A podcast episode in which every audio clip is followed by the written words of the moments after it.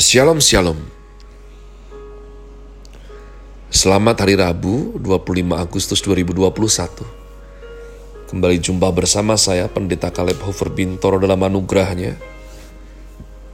Penuh sukacita sampaikan pesan Tuhan melalui Grace Word yakni suatu program renungan harian yang disusun dengan disiplin kami doakan dengan setia supaya makin dalam tak beroleh pengertian mengenai iman pengharapan, dan kasih yang terkandung dalam Kristus Yesus.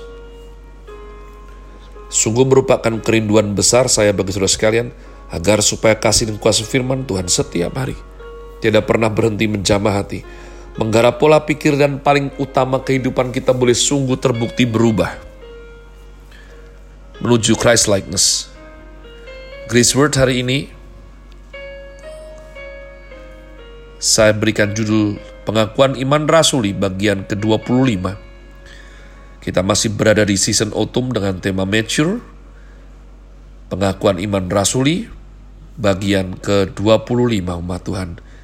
Mari saya rindu untuk kita sekali lagi jangan jemu untuk baca pengakuan iman rasuli yang merupakan legacy warisan dari para rasul-rasul kepada kita pewaris iman Kristen sesuai anugerah yang Tuhan berikan.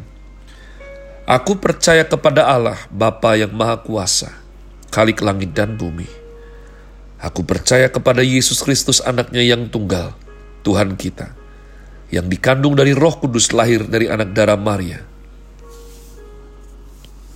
yang menderita sengsara di bawah pemerintahan Pontius Pilatus, disalibkan, mati dan dikuburkan, turun dalam kerajaan maut. Pada hari yang ketiga, bangkit pula dari antara orang mati. Naik ke surga, duduk di sebelah kanan Allah, Bapa yang Maha Kuasa. Dan dari sana ia akan datang untuk menghakimi orang yang hidup dan yang mati. Aku percaya kepada roh kudus, gereja yang kudus dan am, persekutuan orang kudus, pengampunan dosa, kebangkitan orang mati, dan hidup yang kekal. Amin. Yesus, Yesua, ya, Yosua. Artinya umat Tuhan juru selamat. Kristus, Kristos, Mesiah yang diurapi. Saya sudah kemukakan dua hari yang lalu bahwa ada tiga macam orang yang diurapi yakni nabi, imam, dan raja. Raja dan imam harus diurapi. Raja diurapi nabi. Imam juga diurapi oleh nabi. Nabi diurapi Tuhan secara langsung oleh roh kudusnya.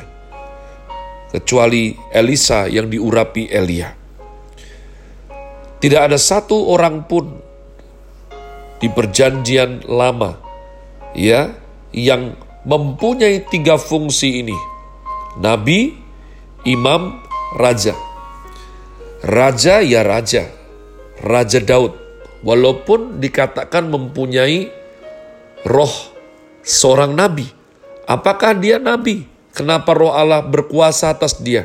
Tapi bukan lalu artinya Nabi Daud. Bukan umat Tuhan Ya, demikian juga dengan imam. Belum tentu nabi.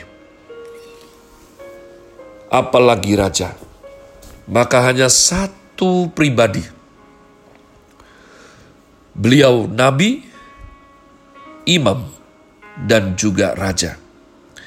Yakni Yesus Kristus Tuhan. Mari kita belajar mengenai Tuhan Yesus Kristus ya Tuhan Kristus Yesus. Camkan baik-baik. Yesus adalah Kristus. Kristus adalah Yesus. Yesus Kristus adalah Tuhan. Allah kita yang menjelma menjadi manusia, Yesus Kristus Tuhan. Ketiga nama ini, Tuhan, Yesus, Kristus, untuk satu pribadi. Yakni Tuhan yang kita percaya sebagai juru selamat yang hidup. Yesus datang ke dunia, meminjam rahim seorang remaja putri bernama Maria. Maria menerima wahyu dan naungan daripada Roh Kudus. Dalam sejarah tidak pernah ada orang lain yang menerima naungan daripada Roh Kudus selain Maria. Saya tekankan baik-baik umat Tuhan. Tidak ada, tidak ada dari dulu sampai sekarang. Before Christ, after Christ. Sebelum Masehi, sesudah Masehi. Dari dulu, sekarang sampai selama-lamanya.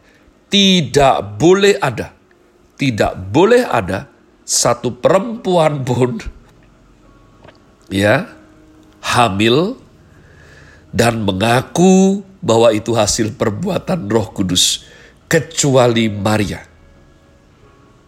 Hanya Maria yang boleh, one and only, satu-satunya. Ya, jadi nona-nona, apalagi nyonya-nyonya, engkau yang mendengarkan these words di luar sana, camkan baik-baik, kau boleh pakai alasan apa pun, tapi kalau mit-amit ada seorang di antaramu hamil, kalau engkau bukan Maria yang diajak berbicara oleh Gabriel, malaikat utusan Tuhan, kau tidak boleh sekali-kali beralasan bahwa kehamilanmu itu karena Roh Kudus. Tidak boleh. Ya. Walaupun itu sedikit lucu, tapi itu tidak lucu dan tidak boleh itu yang terutama. Jadi umat Tuhan, Roh Kudus berkata, engkau akan mengandung anak Allah di tempat yang maha tinggi. Ialah Kristus, Sang Kudus dari Allah yang dikirim ke dunia ini. Inilah satu-satunya manusia yang masih remaja, yang saya katakan tadi seorang gadis yang tidak bersetubuh, tetapi boleh melahirkan anak karena dinaungi oleh roh kudus. Maka ini satu-satunya kasus dalam sejarah sejak Adam sampai hari Tuhan. Karena inkarnasi hanya terjadi satu kali, hanya satu kali saja. Allah menjadi manusia melalui naungan roh kudus atas Maria, meminjam rahimnya sebagai tempat mengandung seorang pribadi, yakni Yesus Kristus Tuhan. Tuhan Yesus Kristus dengan kematian Tuhan Yesus dalam penderitaan di bawah pemerintahan Pontius Pilatus. Pontius Pilatus, Maria sungguh pernah ada. Melalui Pilatus, Tuhan Yesus mati di Golgota. Melalui Maria, Tuhan Yesus lahir ke dunia. Nama kedua orang ini harus masuk pengakuan iman rasuli. Nama Pilatus masuk dalam pengakuan iman rasuli karena membuktikan bahwa Tuhan Yesus sungguh pernah masuk dalam sejarah umat manusia. Di dunia ini, real menjadi manusia, hingga tentang kelahiran dan kematiannya dapat dipertanggungjawabkan. Kita punya akte lahir sebagai bukti kita pernah dilahirkan. Di dalamnya dicantumkan tahun, bulan, hari, dan tempat kelahiran. Nama ayah dan ibu, demikian Allah menyingkat kelahiran hanya pakai nama satu orang, yakni Maria, yang rahimnya dinaungi oleh roh kudus. Demikian juga dengan sangat singkat Tuhan hanya memakai satu nama sejarah membuktikan Yesus pernah mati di bawah pemerintahan Pontius Pilatus. Maka kita melihat bahwa Tuhan Allah bertanggung jawab tentang peristiwa yang terbesar yang sungguh pernah terjadi dalam sejarah umat manusia, yaitu mengirimkan Tuhan Yesus sebagai juru selamat yang datang menggantikan kita, lahir, besar, taat, mati, disalibkan, dikuburkan, dibangkitkan, sampai kembali ke sorga. Kristologi dalam iman Kristen sangat penting sangat penting. Saat menjadi manusia, tugas Tuhan Yesus yaitu mati dan bangkit. Tetapi saat kita menyebut gelar Kristus, maka ia ada jabatan nabi, imam, dan raja. Sebagai nabi, Tuhan Yesus mewakili Tuhan Allah berbicara rencana dan firman-Nya kepada kita. Sebagai imam, Tuhan Yesus disalib menggantikan kita. Darahnya menjadi perantara di tengah-tengah Allah dan manusia. Sehingga oleh karena darah Kristus, kita boleh menghampiri tahta kasih karunia.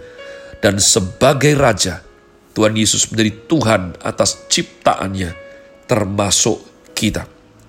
Dan percaya kepada Yesus Kristus anaknya yang tunggal Tuhan kita. Kita menyebut Yesus sebagai Tuhan karena beliau bersama dengan Allah menciptakan langit dan bumi dan menguasai hidup kita. Ketika kita sebut beliau juru selamat karena beliau pernah menjelma menjadi manusia, namanya Tuhan Yesus Kristus. Kenapa percaya Allah saja belum cukup? Masih harus percaya Tuhan Yesus. Bukankah Allah itu Tritunggal? Jika aku percaya kepada Allah, hati berkata Allah Tritunggal sudah cukup bukan? Tetapi Allah berkata, kita harus berani mengaku iman kita kepada orang-orang non-Kristen.